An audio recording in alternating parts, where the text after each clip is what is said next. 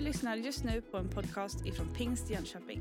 Vi hoppas att denna undervisning kommer att hjälpa dig att växa i din personliga relation med Gud. Marcus Frid heter jag som sagt och är lycklig och så tacksam att få vara del av denna församlingsgemenskapen. Och det är en stor, stor förmån för mig att få predika Guds ord för er idag. Under den kommande halvtimmen eller så, så kommer du få höra mycket prat från min mun.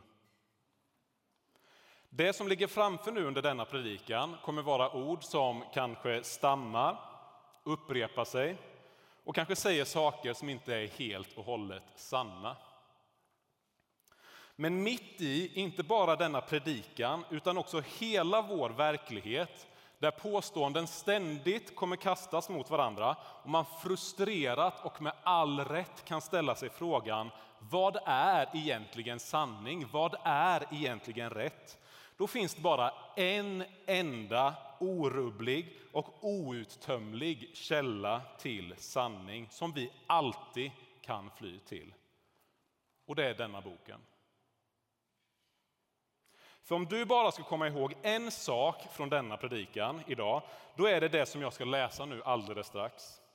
Min efterföljande förklaring, min utläggning av bibeltexten som vi ska läsa, den kommer vara bristfällig, begränsad och babblande.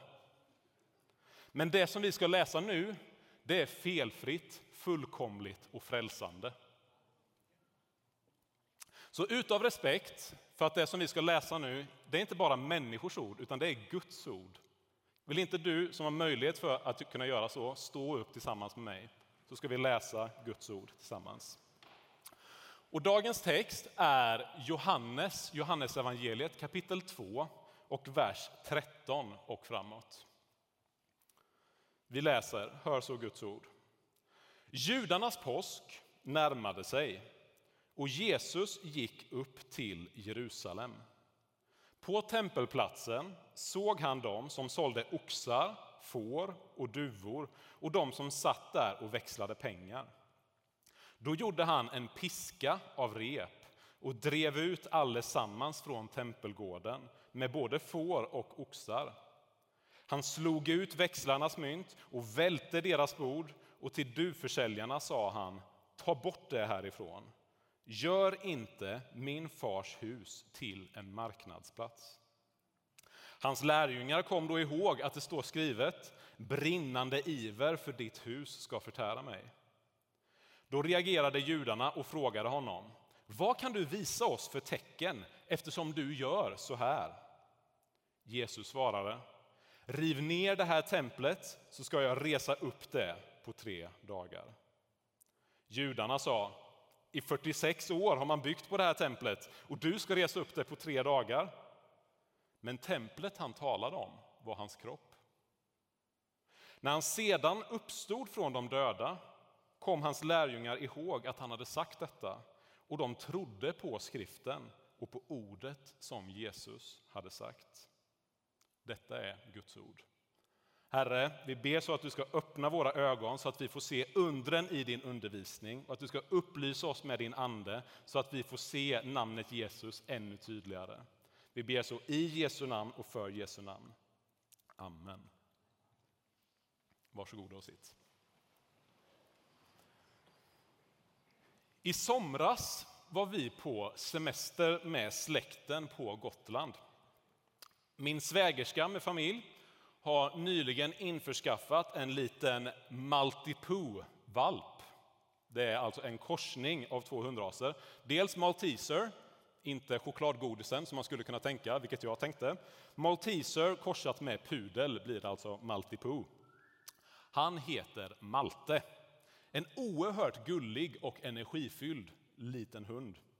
Och I huset som vi hyrde, där vi bodde på Gotland, så lekte jag Malte en del och jag försökte leka apport med honom med hjälp av några tennisbollar som fanns i huset. Problemet var bara att Malte ofta inte såg att jag kastade en boll. Så när jag liksom begeistrat hade kastat bollen så pekade jag ju bort mot den för att visa där är den, dit ska du springa. Men vad kollar Malte på när jag pekar ut mot bollen? Han står ju och kollar rakt på mitt finger. Han stannar upp vid själva vägmärket istället för att blicka fram mot vad som var själva målet, det som jag pekade på. En väldigt liknande situation utspelar sig i den text som vi läser nu idag tillsammans. När Jesus hade rensat templet, som vi nyss läste, så blev det direkt ett samtal mellan honom och de judiska ledarna som han mötte. Och det är uppenbart för oss när vi läste denna texten, om ni minns nu, att jud, judarna, de judiska ledarna och Jesus, de pratar inte om samma sak. De går helt förbi varandra i kommunikationen. Båda pratar om templet, men uppenbarligen så gör de det på helt olika sätt. Idag så ska vi så försöka besvara tre stycken frågor, eller egentligen fyra, för att ta till oss vad denna text har att säga idag. För det första, vem är vår präst? För det andra, vad är vårt tempel? Och för det tredje, vad är vårt offer? Och för det fjärde, varför ska vi bry oss? Det är ju ändå en predikan och inte bara ett bibelstudie. Så vi börjar i det första. Men först och främst behöver vi bara ställa oss frågan för att förstå vad, vad är det denna texten egentligen vill säga. Vad var egentligen templet för något? Vad var det för plats som Jesus befann sig på i denna texten som vi nyss läste? Vad var syftet med templet som byggnad för judarna på Jesu tid? För att besvara denna fråga så behöver vi ställa oss en lite mer större och övergripande fråga. Och den frågan är, vad är Bibelns stora berättelse? Om du skulle försöka sammanfatta Bibelns budskap från början till slut, hur skulle du säga då? Vad skulle du säga? Enkelt uttryckt, väldigt förenklat, så kan man säga att Bibelns berättelse är detta. Människan ska leva i gemenskap med Gud i Guds närvaro. Hela Bibelns berättelse sammanfattat, det är att människan ska leva i gemenskap med Gud i Guds närvaro. Bibeln berättar hur Gud har skapat världen för att bo i den i gemenskap med människan. Ja, men tänker du, vad är templet då för något? Vad är templet för byggnad? Jo, templet enligt Bibeln, det är just den plats i världen där Gud bor. Templet är den plats där Gud bor i världen.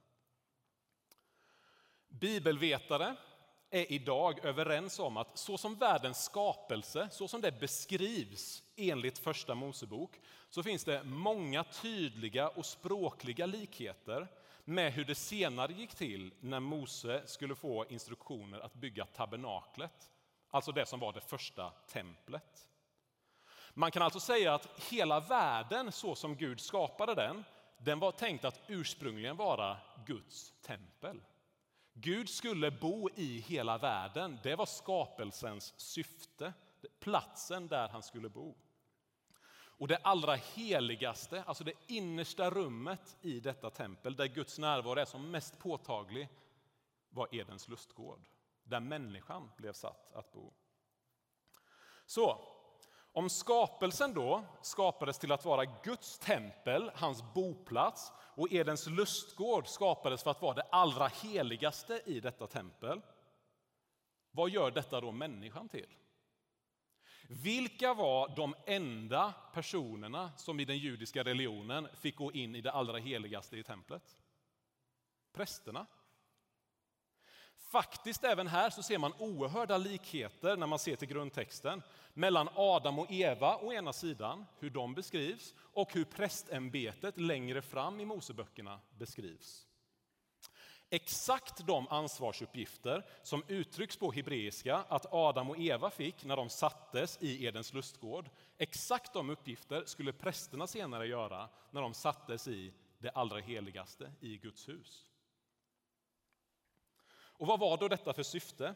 Jo, ett av människans ursprungliga syften det var att bevara renheten i templet, att bevara renheten för att ha god gemenskap med Gud. Så människan sattes alltså i Guds närvaro för att som hans präster hålla Guds hus rent. Eftersom det är endast i total renhet som en helig Gud kan bo. Men om du inte brukar somna efter att du har läst Bibelns första två kapitel så vet du att denna ursprungligt goda plan den varar inte särskilt långt. Det krav som finns på att leva i gemenskap med Gud, den här fullkomliga renheten, den uppnåddes inte av människan så som det väntades av henne. Tvärtom, vi läser i Första Mosebok 3 att människan vände frivilligt ryggen till Gud. Människan syndade så som Bibeln beskriver det. Och som en konsekvens av att de vände ryggen till Gud så blev de uteslutna ur hans närhet. Människan valde att värdera sin egen bedömningsförmåga högre än Guds ord. Så kärleken till människans egna självbestämmande på något sätt överskuggade kärleken till deras skapare. Men tack och lov, Gud ger inte upp så lätt. Guds plan har inte smulats sönder på grund av detta. Gud har fortfarande som avsikt att söka upp och att bo med människan. Så Mose får instruktioner av Gud att bygga ett tabernakel, det första templet, som skulle vara en faktisk materiell boplats till Gud i världen. Så Gud vill fortfarande bo med sitt folk i hans närvaro. Och Mose lag, alla de här 650 lagarna eller vad det nu är, som folket fick till sig genom Mose. De här lagarna tjänar syftet att visa hur kan vi som människor bo i gemenskap med Gud. Eftersom Gud är helig och ren så står det att folket måste också vara heliga och rena. Så genom att de håller tabernaklet, alltså templet, rent så kan de också leva i gemenskap med Gud. Och detta är syftet med hela tredje Mosebok i Gamla testamentet, med hela den här laguppställningen. Att vi ska förstå hur vi måste bete oss för att komma inför Guds närvaro och ha gemenskap med honom.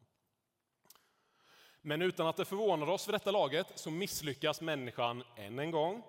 Det börjar bli en trend märker vi. När templet har byggts på plats i Jerusalem så lyckas inte prästerna med sina ansvarsuppgifter att leva i renhet för att kunna bo i Guds närvaro. De valde återigen, precis som deras förfäder Adam och Eva, de valde av egen vilja att vända ryggen till Gud och på så sätt föra in orenhet i Guds tempel. Det är minst sagt en obehaglig syn som bland annat profeten Hesekiel får när han ser vad som händer i templet i Gamla testamentets tid. Hesekiel får se hur människor som befinner sig mitt inne i hjärtat i det allra heligaste i Guds tempel, hur människor på den platsen orenar sig och tillber falska gudar. Du kanske tycker detta är svårt att relatera till, men tänk så här. Det är illa nog och det är fruktansvärt nog om en man skulle vara otrogen mot sin fru. Men det är nog ännu värre om otrohetsaffären skulle äga rum i det gifta parets hus och inte bara i deras hus utan i det gifta parets egna säng. Det är något fruktansvärt. Det är precis det som profeten ser här. Tror du inte det krossar Guds hjärta att människor tar in främmande romanser till just den plats som ska, dela, som ska präglas av människans odelade överlåtelse till Gud. Vad gör då Gud som ett resultat av detta?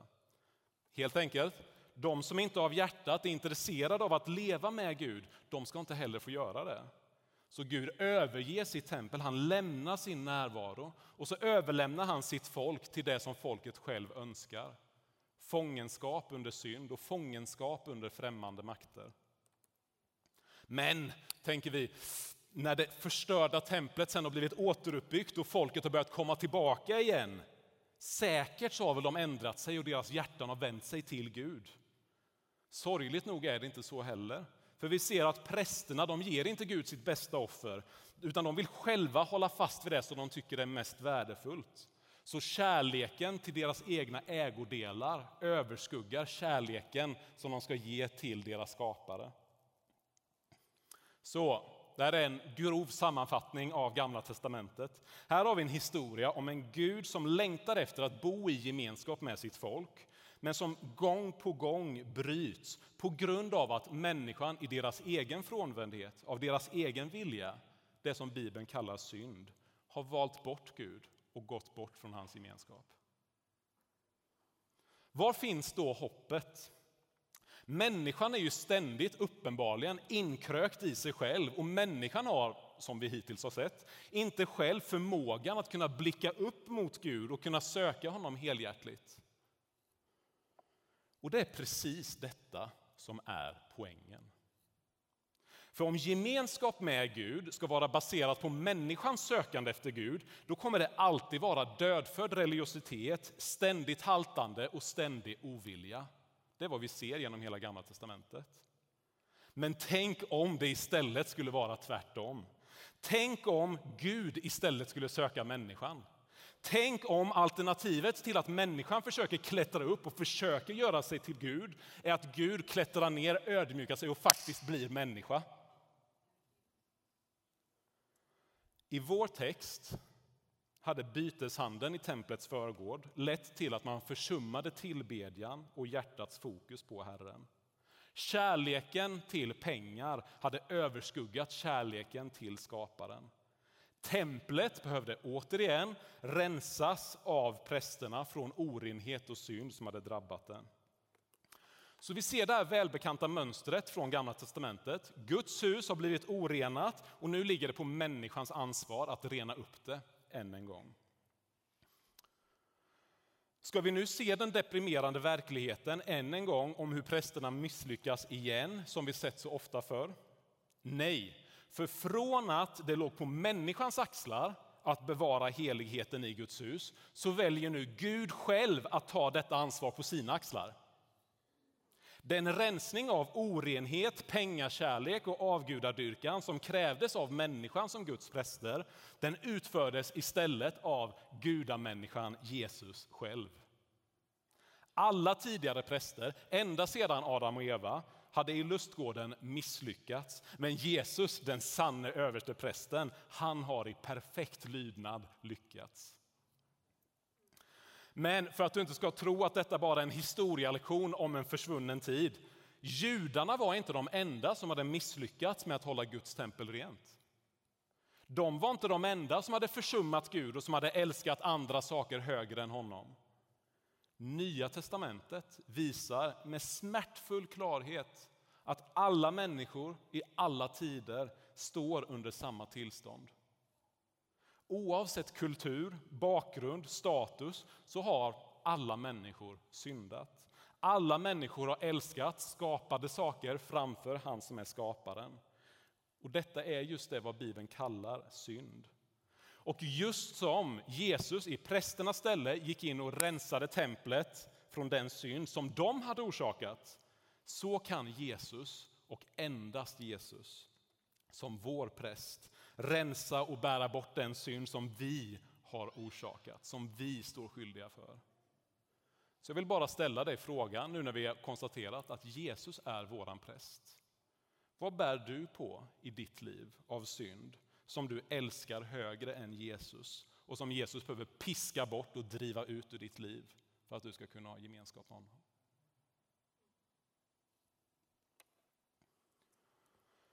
Så kommer vi då till samtalet mellan Jesus och de judiska ledarna. Det är vers 18 framåt. Här visar det sig hur judarna och Jesus går helt skilda vägar i deras tankebanor. Det var inte alls så att Jesus som präst valde att rensa templet och sen så skulle han lämna och låta tempelverksamheten fortsätta och återgå till det normala. Alltså Jesus var inte en slags tempelreparatör som man ringer kontorstider vardagar från fader och son AB som kommer ner, reparerar templet och åker tillbaka.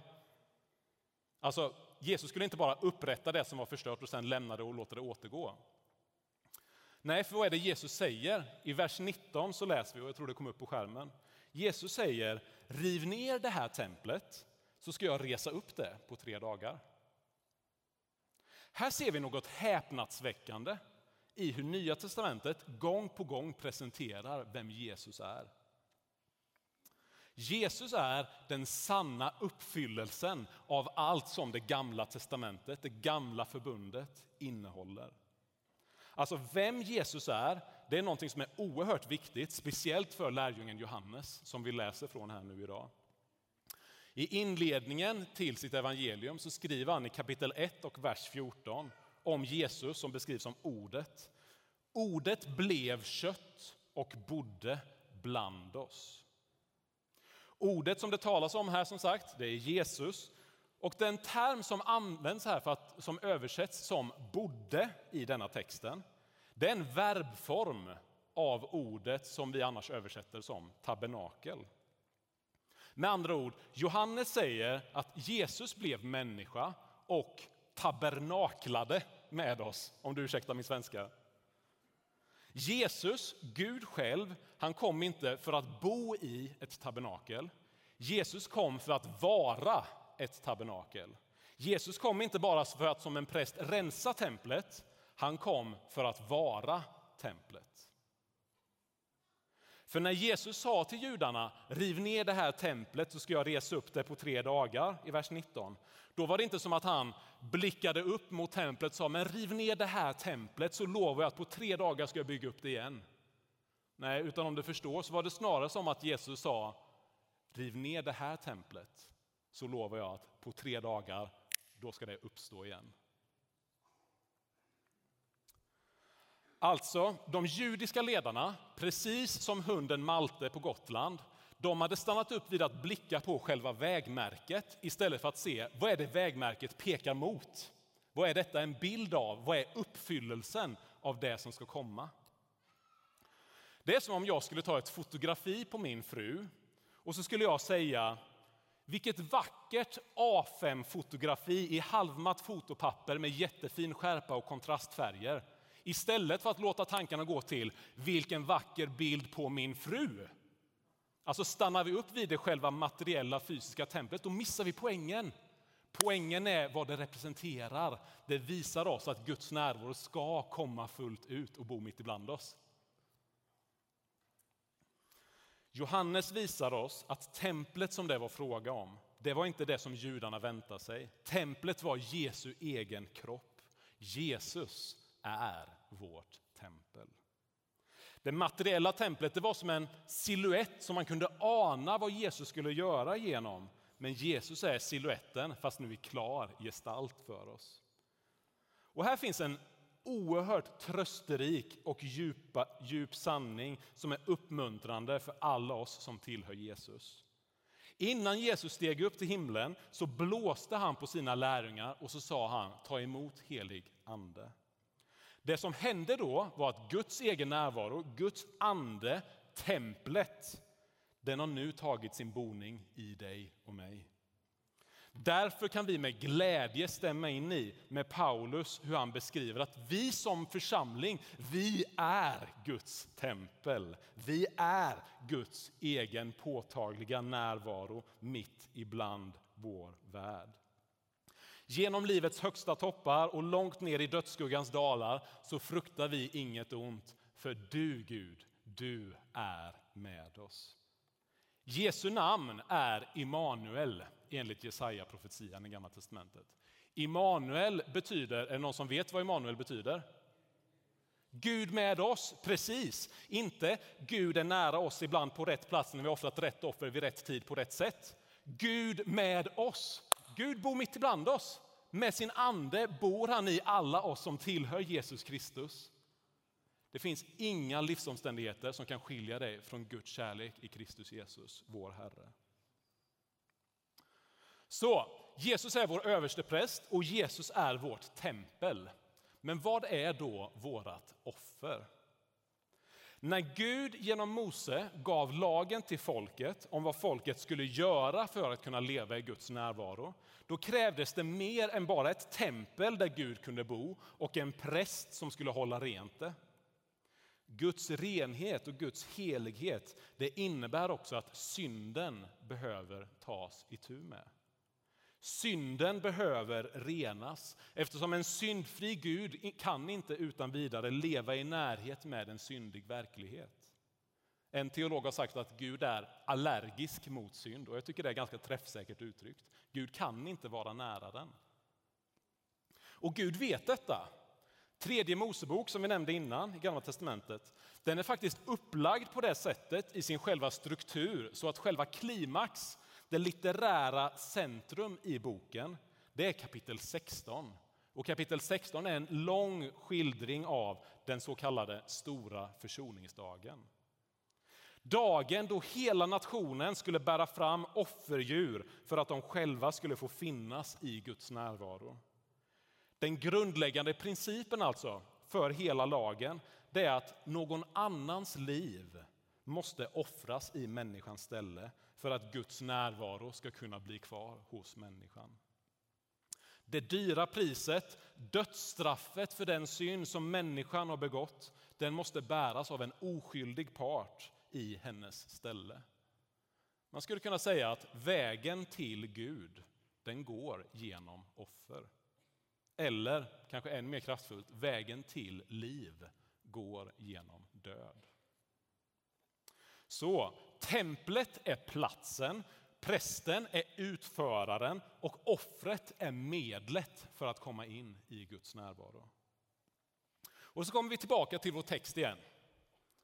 Vad åstadkommer Jesus mer genom att han kör ut pengaväxlarna från tempelområdet? På Jesu tid krävdes det av judarna att de skulle betala vad som kallades en tempelskatt. Tempelskatten var en, summa, var en viss summa pengar som man skulle använda för att bekosta de återkommande dagliga djuroffer som skulle offras av prästerna i templet. Icke-judisk valuta, som var den vardagliga valutan eftersom judarna stod under romersk ockupation och man då använde romersk valuta. Den icke-judiska valutan den var förbjuden som betalmedel till tempelskatten. Så innan de som hade kommit till templet kunde betala tempelskatten så var de först tvungna att växla sina pengar hos pengaväxlarna för att få judisk valuta. Så vad ledde då Jesu rensning till? Jo, utan pengaväxlarna så kunde väldigt många inte längre betala sin tempelskatt eller köpa till sig de offer som de tänkte bära fram i templet och offra för deras synder. Och utan offer, då har ju templet förlorat hela sitt existensberättigande. Hänger du med? Genom att Jesus rensar templet, då visar han, om än med en symbolisk handling, att djuroffer aldrig var lösningen. Djuroffer var aldrig lösningen som skulle föra oss fram till Gud. Offret som krävdes av lagen det skulle vara något annat, något som är bättre än djuroffer. Men vad är då detta offer som ska bäras fram när Jesus nu plötsligt omkullkastar den vanliga tempelgudstjänsten? I vers 17 citerar Johannes texten som Jesu lärjungar senare förstod profetiskt skulle peka fram mot honom. Det är citerat från psalm 69. Vi läser några verser tillsammans från psalm 69 och jag tror det kommer upp här på skärmen också. David skriver, de som hatar mig är utan anledning är fler än håren på mitt huvud. Många vill förgöra mig, de är mina fiender utan orsak. Vad jag inte har stulit måste jag ersätta. Lägg märke till det. För din skull får jag utstå hån, vanära täcker mitt ansikte. Jag har blivit en främling för mina bröder, främmande för min mors barn.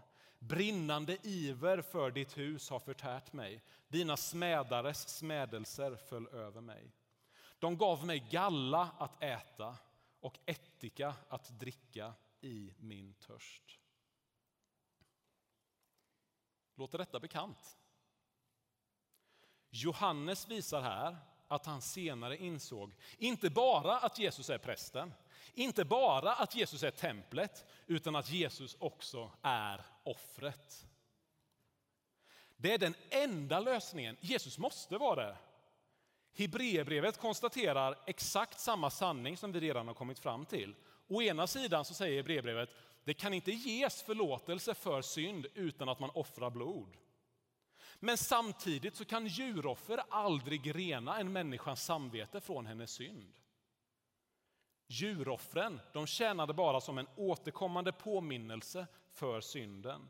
Ett vägmärke som pekade fram mot något större. Så varje gång som en jude bar fram ett offer i templet, då blev han alltså påmind om sin synd som gjorde offret nödvändigt samtidigt som han gick i väntan på det fullkomliga offret. Djuroffret var bara ett vägmärke, men Jesus han är målet, det som allt det andra bara är en skugga av. För så kommer han då, Jesus från Nasaret. Som präst har han kommit och äntligen visat hur han och endast han står orubbligt rotad i Guds närvaro, i hans helighet och renhet. Som tempel har Jesus kommit för att Guds närvaro ska finnas tillgänglig för alla dem som tror på honom. Och som offer har Jesus kommit för att frambära sig själv, för att den syndfrie frälsaren i kärlek skulle offras i syndares ställe för deras frälsning. Det skedde den sekund på korset på Golgata när han där på korset, kippande efter sina sista andetag, slutligen sa det är fullbordat. Den största gåvan som Gud någonsin kan ge dig, det är inte ett A på matteprovet, det är inte god fysisk hälsa, det är inte den perfekta familjen eller minskade trafikköer på väg till jobbet. Den största gåvan som Gud någonsin har gett mänskligheten är sig själv. När Gud blev människa och gav världen sig själv, då har han där och då tömt ut det bästa som himlen har att ge. Söker du förlåtelse för dina synder, han är offret. Söker du en medlare till Gud, han är prästen. Söker du Guds närvaro, han är templet. Söker du mättnad för din hunger, han är brödet. Söker du liv som går bortom graven, han är uppståndelsen och livet. Söker du skydd från ondska, han är den gode heden. Söker du gåvor från himlen, han är gåvan.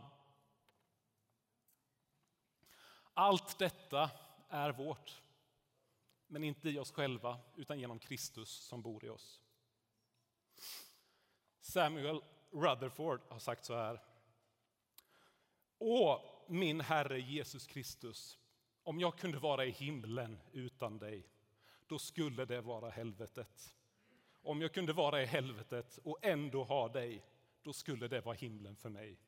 För du är all den himmel som jag vill ha. Himlen, vänner, himlen är inte en plats som vi längtar till. Himlen är en person. Himlen är Jesus Kristus. Och han har från Guds egen intima närvaro gett sig själv och bjudit in oss att lära känna honom. Herre, vi ber att vi ska förstå ännu djupare vad det innebär att du kom till jorden för att frälsa oss och bjuda in oss i din närhet. Herre, vi ber att vi ska få inse att som präster har vi misslyckats. Vi har inte lyckats hålla oss i din närhet, i din helighet. Men vi ber Gud att vi ska få inse att ditt tempel, din egen närvaro har kommit ner i människan Jesus. Och inte bara det, du kom ner och i kärlek så gav du dig själv för våra synder. Du har renat oss så att vi får bli rena. Du har dragit oss till dig så att våra hjärtan får ro. Fyll oss med vissheten om att all välsignelse, all andlig välsignelse i himlen, den är vår. Men inte i oss, utan genom Kristus som bor i mig. I ditt namn ber vi. Amen. Du har just lyssnat på en podcast ifrån Pingst Jönköping. För att få reda på mer om vilka vi är och vad som händer i vår kyrka så kan du gå in på pingstjonkoping.se eller följa oss på sociala medier via pingstjkpg.